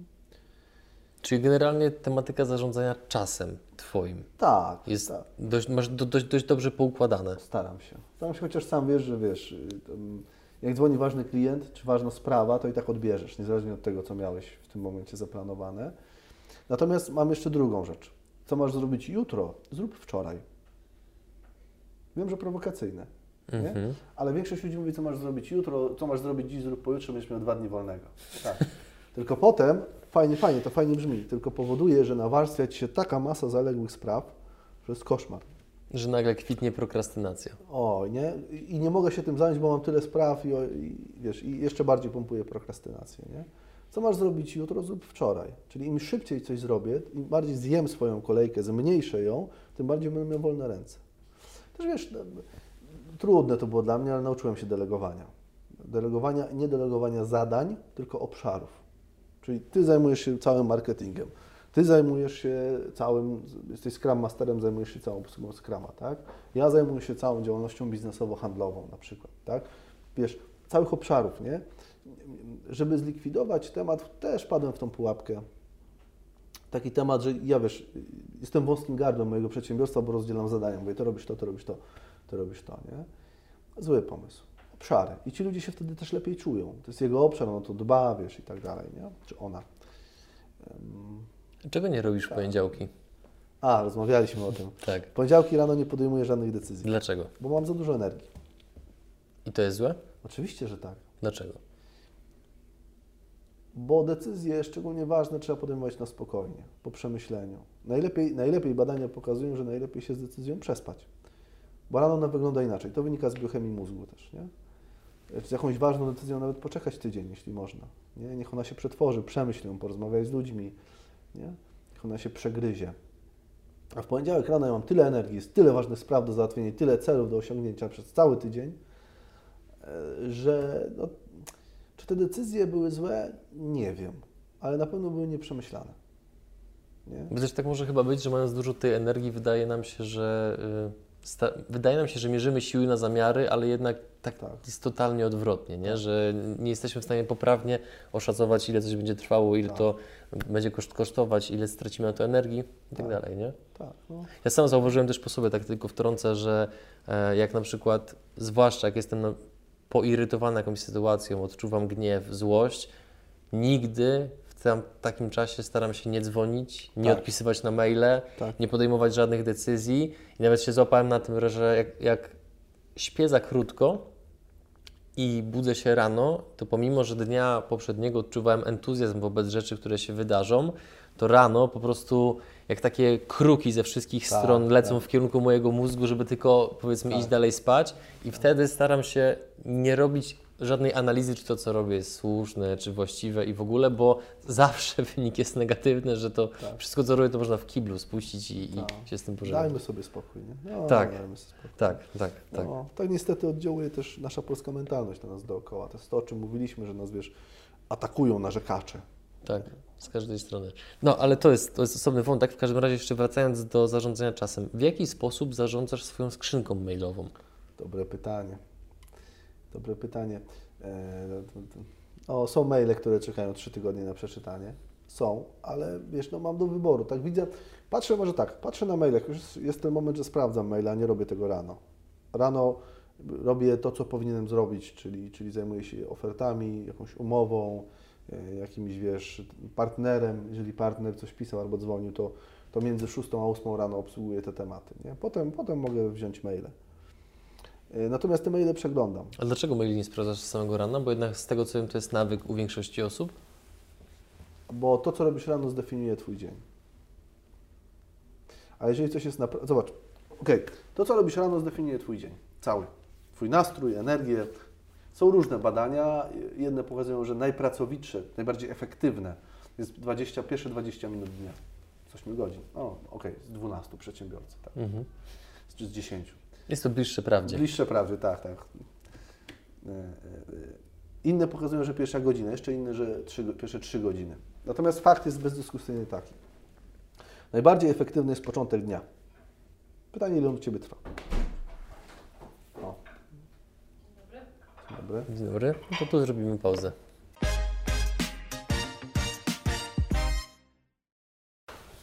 Czyli najbardziej już produktywny jest początek dnia. To pokazują wszystkie badania. Nie? Poza tym zasada Pareto. 20-80. 80% problemów rozwiązuje się sama. Co to znaczy? Y, Że jak nie przeczytasz tego maila, tak, to świat się nie skończy, a jeżeli on jest naprawdę ważny i pilny, to ktoś zadzwoni. Albo przyjdzie. A czy to nie może, e, czy to nie powoduje potem przypadkiem irytacji u innych osób, że wysyłają Powoduje. Ci maila, a Ty im nie odpowiadasz? Wiesz co, powoduje, tylko pytanie, kto zarządza moim czasem? Ja czy oni? Zobacz, czego oczekuje ode mnie klient? Tego, żebyś Twoja Efektów. firma dowiozła rezultaty, Tak, efekty, rezultaty. wyniki. Nie? I teraz, czy w perspektywie kilku miesięcy wdrożenia, nie? wdrożenia trwającego kilka miesięcy, ma znaczenie to, czy ja mu odpowiem za minutę, czy za 6 godzin na tego maila? Zwykle nie. A za 6 godzin to będzie dużo lepsza odpowiedź niż teraz pisana na szybko. Nie? Bardzo rzadko jest tak, że ja mogę odpowiedzieć na, jakieś, na ważnego maila bez konsultacji z zespołem.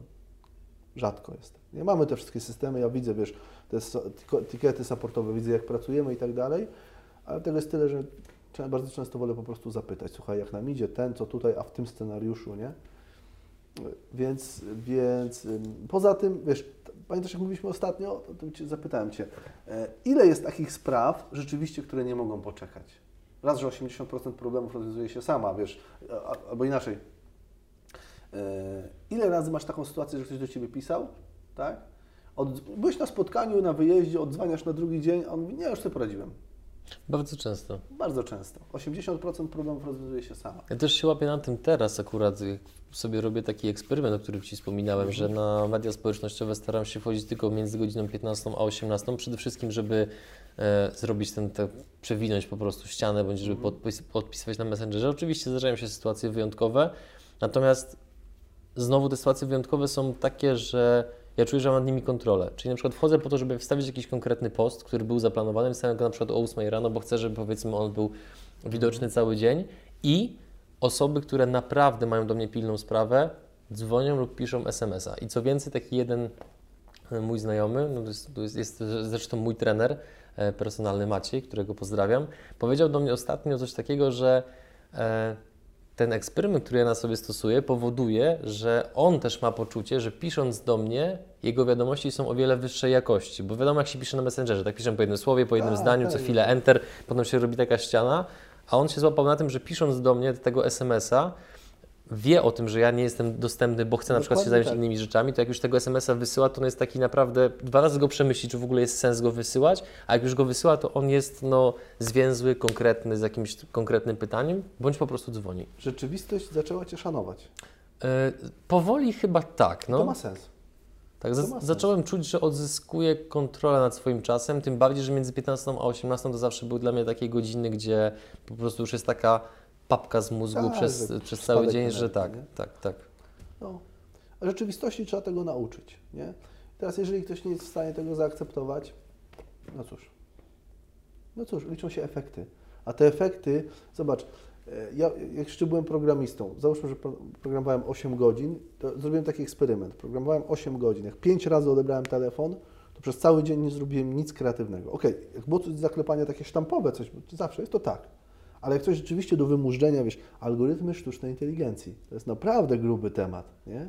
Siedzisz, murzysz dwie godziny po to, żeby napisać dwie linie kodu, rysujesz na kartkach, zadzwoni trzy razy telefon, nie zrobisz nic. Nie? Kto zarządza Twoim czasem? Ty czy wszyscy dookoła?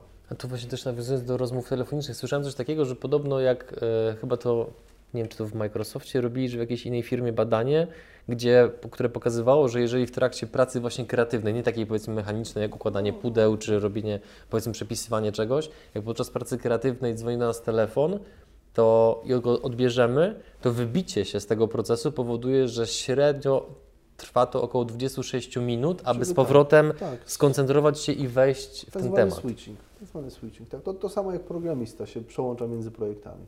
I też tutaj jeszcze jedną ciekawostkę przemycę, gdzie y, w jednym artykule ostatnio widziałem, że było prowadzone badanie pokazujące, że najwięcej energii tracimy właśnie na tym, tak jak powiedziałeś, switchingu. Jednak polega to na tym, że jeżeli byśmy spojrzeli na nasz mózg jako na taką powiedzmy pajęczynę składającą się z tych neuronów, to jeżeli powiedzmy jakaś tam siatka neuronów odpowiada za pewien obszar, to przeskoczenie na inny powoduje, że to też przeskoczenie kosztuje nas najwięcej e, energii tak naprawdę i potem znowu z powrotem przeskok powoduje, że tej energii z, zużywamy znacznie więcej.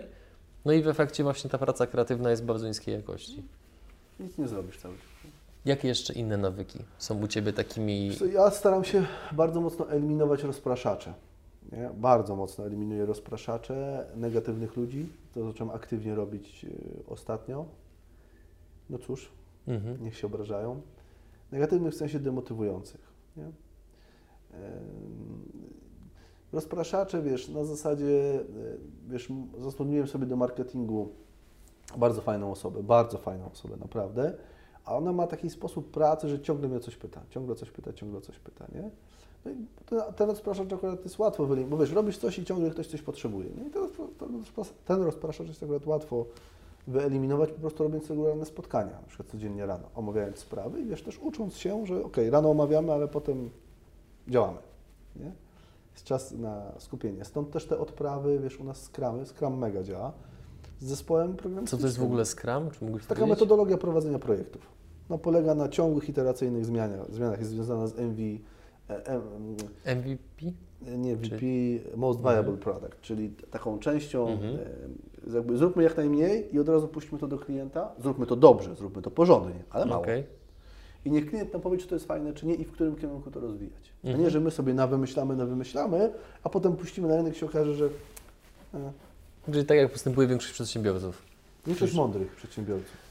A czy większość przedsiębiorców, którzy tak głęboko wierzą w swoją, e, powiedzmy, intuicję i gust, że wypuszczają produkt bez mówisz. konsultowania go z klientem, nie? No tak, i potem wydajemy ileś wiesz, pieniędzy, się Tak. okazuje, że klient korzysta albo z jednej trzeciej, albo w ogóle, nie? Dokładnie. Jak najszybciej, nawet jak wiesz, jak nie ma produktu, to już puśćmy do niego marketing. Zobaczmy, czy to w ogóle ktoś będzie chciał to kupić, nie? No ale to też nauczono na błędach. No, yy, jak najszybciej prototypujmy i tak dalej, nie?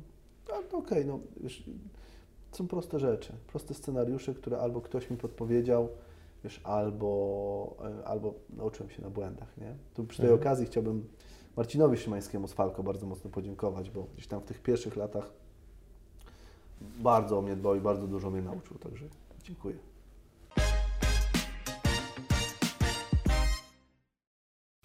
Powiedziałeś tam kilka przydatnych strategii, technik, które używasz w swoim codziennym funkcjonowaniu, więc naturalnym jest, że zapytam, w jaki sposób się uczysz i rozwijasz, bo zakładam, że ten proces cały czas się dzieje, a nie, tak jak znowu w przypadku większości osób, zatrzymał się na, po ukończeniu studiów. No, no. E, Wiesz co, dwie rzeczy. E, Elon Musk powiedział, I read a lot of books. I rzeczywiście, czytam dużo książek. Natomiast, żeby być praktykiem, e, to wiesz, ja mam to szczęście, że mogę sobie wybrać rolę, jaką pełnię w naszym procesie. Nie? Mógł sobie wybrać. Jest mega przyjemne, bo długi czas byłem analitykiem. I to ja, to ja pisałem analizy dla nas. To ja analizowałem przedsiębiorstwa, których, dla których potem pracowaliśmy i widziałem też efekty tych wdrożeń, siłą rzeczy jako organizator tej naszej pracy w całości. Nie? E, To było mega szkolenie. Mega, wiesz, to, jakie są oczekiwania, jakie są obawy, jak, jak które procesy zadziałały, nie? W tej chwili już robi to ktoś inny, ale to było najbardziej wartościowe. Plus, wiesz, oczywiście konfrontacja z tym, co ktoś już wypracował. Mówię o książkach, nie? Książkach y, czy, czy filmach. Y, Wiesz, ja mam cały czas poczucie straty czasu, chyba cały czas. Nie? Cały czas, czy, czy to, co robię w tej chwili, to jest najlepsze wykorzystanie, wiesz, moich, załóżmy 8 godzin, załóżmy, nie? Czy rzeczywiście, tak? Czy w tym momencie nie powinienem robić czegoś innego? Nie lubię, wiesz, nie lubię jakiś tam iść do kina na byle co, chociaż czasami chodzę, żeby się odmurzyć po prostu, nie? Wolę wziąć książkę do ręki, poczytać. Czy wiesz, czy usiąść do Excela i, i sobie zobaczyć, hmm, może tak, może tak, może tak, nie? Edukacja to jest jedyne bardzo wartościowe, chyba tak naprawdę jedyne, co mamy, no i sieć kontaktów, tak, to co mówiliśmy, nie? Jedyne, co mamy tak naprawdę wartościowe, bo już pieniądze w tej chwili to jest środek płatniczy. To wiesz, to dziś ma wartość, a jutro ktoś może Pewna wyjść, umowa między nami. to, jutro ktoś może wyjść na ulicę i powiedzieć, że ten top jest wart dwa razy mniej. Tak może to zrobić, nie? A jak masz w głowie, zobacz, jest, to- jest masa ludzi, którzy zbudowali firmy, a potem upadli i stali się bankrutami i życiowymi rozbitkami. A jest masa ludzi, druga, którzy zbudowali jedną firmę, drugą, trzecią, czwartą, nie? Czyli napisali jeden, drugi, trzeci program, wiesz, jako programista, a nie tylko, wiesz, jest masa zespołów jak Metallica, którzy są, odnoszą sukces, wiesz, e, rok w rok, rok w rok, a jest też masa zespołów, które są, wiesz, e, jak to się nazywa? Sukces jednego przeboju, tak? Jakoś tak, nie? Mhm. Wiesz, zespół jednego przeboju, chyba jakoś tak to się nazywa. Seryjny przedsiębiorca. Sukces jest procesem u niego, wiesz, jest... yy, Wiesz, do czego zmierzam. Masz w głowie, umiesz zrobić, to nawet jak padniesz, to zrobisz jeszcze raz, tak? Ale jak coś było dziełem przypadku, To według Ciebie, czy dobrze rozumiem, że takim czynnikiem decydującym mm, o tym, że ktoś jest seryjnym przedsiębiorcą bądź osobą, która seryjnie tworzy dobre rzeczy, jest to, że jest ta ciągła edukacja? Oczywiście, że tak. Pociąg jedzie do przodu. Rzeczywistość, cały nasz, nasz świat pędzi. Pędzi jak nigdy dotąd. Wszystkie badania pokazują, że jeszcze nigdy tak nie pędził. Nie? Więc zobacz, jak stoisz w pędzącym pociągu, znaczy inaczej, jest pociąg, który pędzi do przodu, więc musisz biec albo jechać, żeby mu dotrzymywać kroku. Tak? Jeżeli on jedzie, a ty stoisz, to tak naprawdę się cofasz. Zgadza się. Nie? Dużo rzeczy zapominamy. Odświeżamy sobie, wiesz, żeby łączyć. Też no, trzeba pamiętać, że ja muszę być dla moich klientów y, wartościowym partnerem. Tak? Kimś, kto przyjdzie z wiedzą, nie kimś, kto będzie oczekiwał od klienta, no wiesz, to, to jak mamy zrobić? Nie? No, bo wiesz, czy czułbyś się bezpiecznie, jak ktoś przychodzi i mówi, słuchaj, no my jesteśmy do optymalizacji procesów, nie? Ty mówisz, okej, u nas są takie procesy, takie problemy, co robimy? No to Pan powinien wiedzieć, co robimy. No to byłoby idiotyczne, nie? Przecież nie po to nas zatrudniają. Nie? Tak to można mówić do kogoś, kto rzeczywiście wdraża informatykę. To tak można by powiedzieć, z kimś takim rozmawiać. Nie? Nawiązując do edukacji, jakiś czas temu widziałem post, wydaje mi się, że to Robert Gryn akurat napisał. Mm, To zdanie bardzo mi mocno zapadło w pamięć, bo jest takie trafne, a mianowicie, że z jednej strony mówi się właśnie o tym, że świat pędzi jak nigdy dotąd, że my jesteśmy zalewani informacjami i to się wszystko zgadza, tylko że też z drugiej strony patrząc, otwierając e, laptopa, włączając komputer, uzyskujemy dostęp do 99% wiedzy ludzkości. Nigdy Nigdy zdobycie wiedzy nie było tak proste jak teraz. Oczywiście ktoś powie jako kontrę, że w internecie jest mnóstwo śmieci. Oczywiście. Natomiast znowu dostęp do internetu miesięcznie kosztuje ile? 30 zł? 50? Może 100? W zależności od prędkości łącza operatora i tak dalej. Natomiast porównując to z tym, ile ludzie wydają na przykład, nie wiem, na alkohol w dyskotece, bądź na jakieś inne przyjemności, które teraz są i po chwili znikają, no to ja po prostu uważam, że żyjemy w czasach, które są mm, najbardziej sprzyjające równości między innym ludziom. Bo, okej, Oczywiście, że tak. bo kiedyś to trzeba było mieć powiedzmy Oczywiście. jakieś, oczywiście te ko- kontakty, e, one dzisiaj nadal powiedzmy procentują, ale nigdy nie było czegoś takiego tak jak teraz, że z zaciszu, w zaciszu własnego domu możesz stworzyć aplikację, stronę internetową bądź jakikolwiek inny produkt internetowy, który spowoduje, że Twoje życie ulegnie stukrotnej poprawie, jeżeli chodzi o jego jakość i tak dalej. Siedząc w drewnianej chatce gdzieś Tak. na Podlasiu. Oczywiście, że tak. Dokładnie. Wiesz, masz to, na co się godzisz, masz to, co budujesz, ale nawet sieć kontaktów. Okej, rzeczywiście, łatwiej jest się urodzić w bogatej rodzinie, gdzie ojciec, ojciec wszystkich zna. Ale z drugiej strony, ty pochodzisz z takiej rodziny? Nie. A jak wygląda Twoja sieć kontaktów dzisiaj? Stopniowo się rozwija, między Dlaczego? innymi dzięki kanałowi. Znaczy też jakby... Ale dlaczego? Bo działasz. I robię to świ- absolutnie świadomie, tak. Nie? Albo coś robisz. To tak samo wiesz, ta rozmowa i tak dalej, bo coś robisz. Tak. Nie? Wiesz, ja mam tutaj świetną okazję do rozmowy z Tobą o inwestorze. Może po tym wywiadzie ktoś rzeczywiście fajny, czujący przemysł, wiesz, Mhm. się do mnie odezwie. Na przykład, nie? Ale mógłbym równie dobrze siedzieć teraz i bawić się z córką. To też byłby dobrze To zainwestowany też czas. byłby dobrze Mhm. zainwestowany czas. Ale czy przyszłościowo? Czy pozbawienie jej z tej, z, tej, z tej jednej zabawy, z tych kilku godzin, e, wiesz, ma taki sam, mm, takie samo przełożenie na przyszłość jak ten nasz wywiad? No nie, bo ten wywiad zrobisz raz i de facto będziesz niego odcinał kupony, bo on będzie już cały czas w sieci. I tak dalej. Nie? Mhm. I tak dalej, więc e, wiesz, oczywiście rodzina jest ważna, ale Tak, tak. to są takie decyzje trochę moralne też, nie? Na, na kręgosłupie moralnym. Ale zmierzam do tego, że szanse mamy coraz bardziej równe, tak? E, I wiesz, i, i- to od tego, masz to na co się godzisz, masz to do czego dążysz, nie? Jakie w takim razie według Ciebie, czy mo- może potrafiłbyś wskazać kompetencje, jaka wiedza, biorąc pod uwagę najbliższe 5-10 lat, byłaby najbardziej przydatna dla młodych ludzi, którzy chcą naprawdę się uczyć? Spryt. Spryt. Jak się rozwija spryt? Powiem Ci, jak ja rozwijam spryt, jak ja się rozwijam. Stawiam sobie zawsze poprzeczkę nieco wyżej niż potrafię. Bo jeżeli postawimy sobie poprzeczkę, wiesz, zadanie dużo wyżej, to nasz mózg je zignoruje. Na przykład jak sobie powiemy, dzisiaj, dziś zarabiam średnią krajową, a jutro chcę zarabiać milion złotych, to nasz mózg natychmiast to zignoruje. Ale jak sobie postawimy poprzeczkę troszeczkę wyżej, no kilka procent wyżej, to przyjmiemy to i, jest, i to jest taki cel ambitny wtedy. Jesteśmy w stanie to osiągnąć. Nie? Ja się w ten sposób rozwijam. Ok, jesteśmy tu, osiągnąłem to, to teraz idziemy krok dalej. Tak? Oczywiście to się wiąże z pewnym ryzykiem i tak dalej. Nie? Na przykład w, w, zwiększamy w tej chwili dwukrotnie ilość wdrożeń, jakie prowadzimy. Nie? Stąd też nowi ludzie, nowe systemy, nowe procesy i tak dalej. Nie? Na przykład to jest bardzo ambitny cel, bardzo ambitny. Pewnie go nie osiągniemy w rok, ale może w półtora. Nie? W tej chwili już to się zaczyna dziać.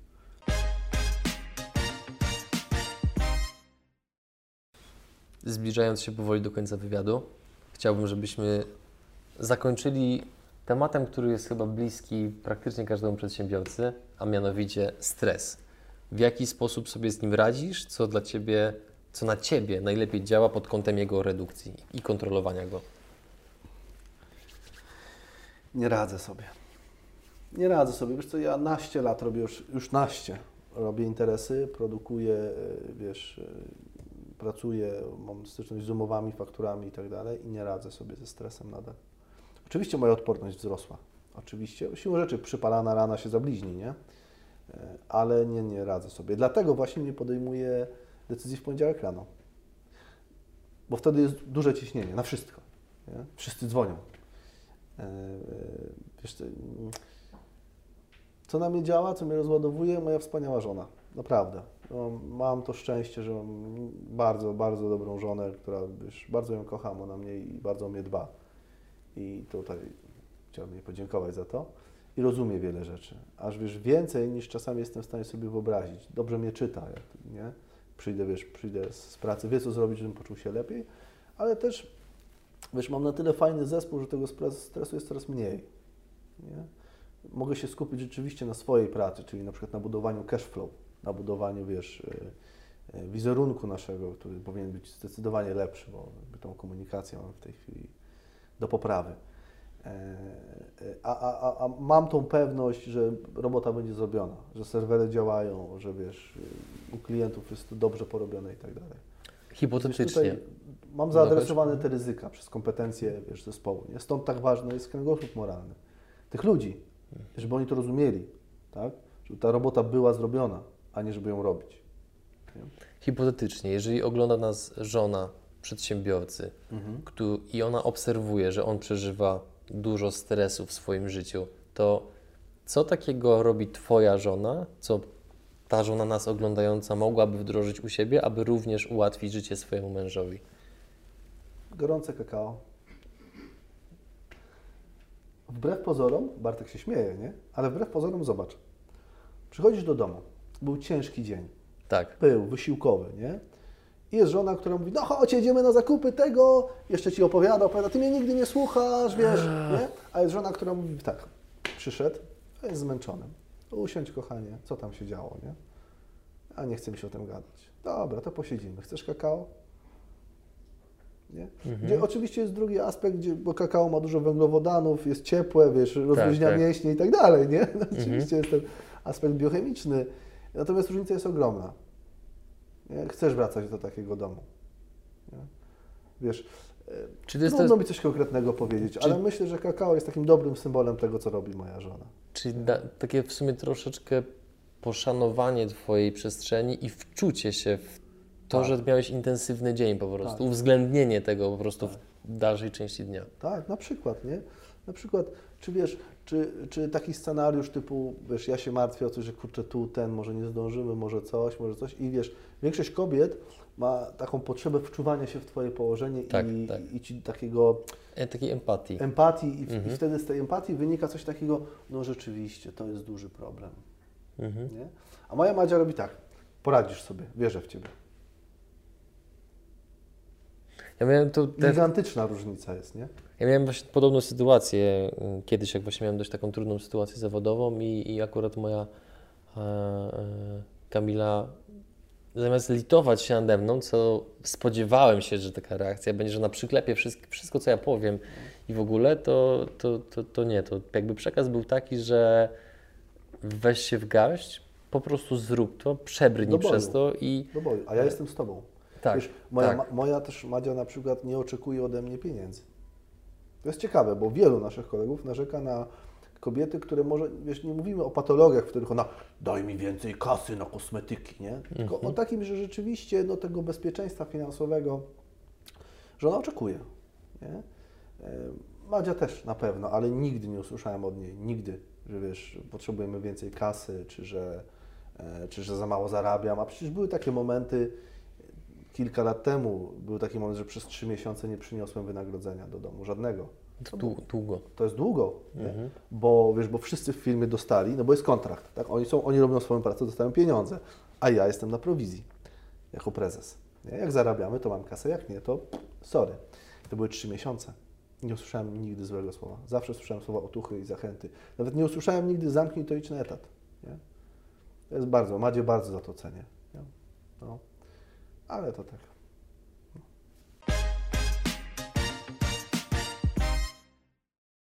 Karol, bardzo Ci dziękuję za poświęcony czas, za to, że zgodziłeś się, żebyśmy jeszcze raz zrobili wywiad, pomimo, że e, ja, dla, dla mnie osobiście to była sytuacja trudna, ponieważ wiem, jak bardzo każdy przedsiębiorca ceni swój czas, dlatego dziękuję za wyrozumiałość i że mieliśmy możliwość porozmawiać raz jeszcze i mam też nadzieję, że ten wywiad w jakikolwiek sposób przyczyni się do tego, że tak dobrze zarządzana i mądrze prowadzona firma znajdzie inwestora i partnera, który pozwoli na ekspansję globalną. Było mi bardzo miło. To cała przyjemność po mojej stronie. Dziękuję za Twój czas i czas Bartka. Rzeczywiście jest mi bardzo miło. Dzięki Karol.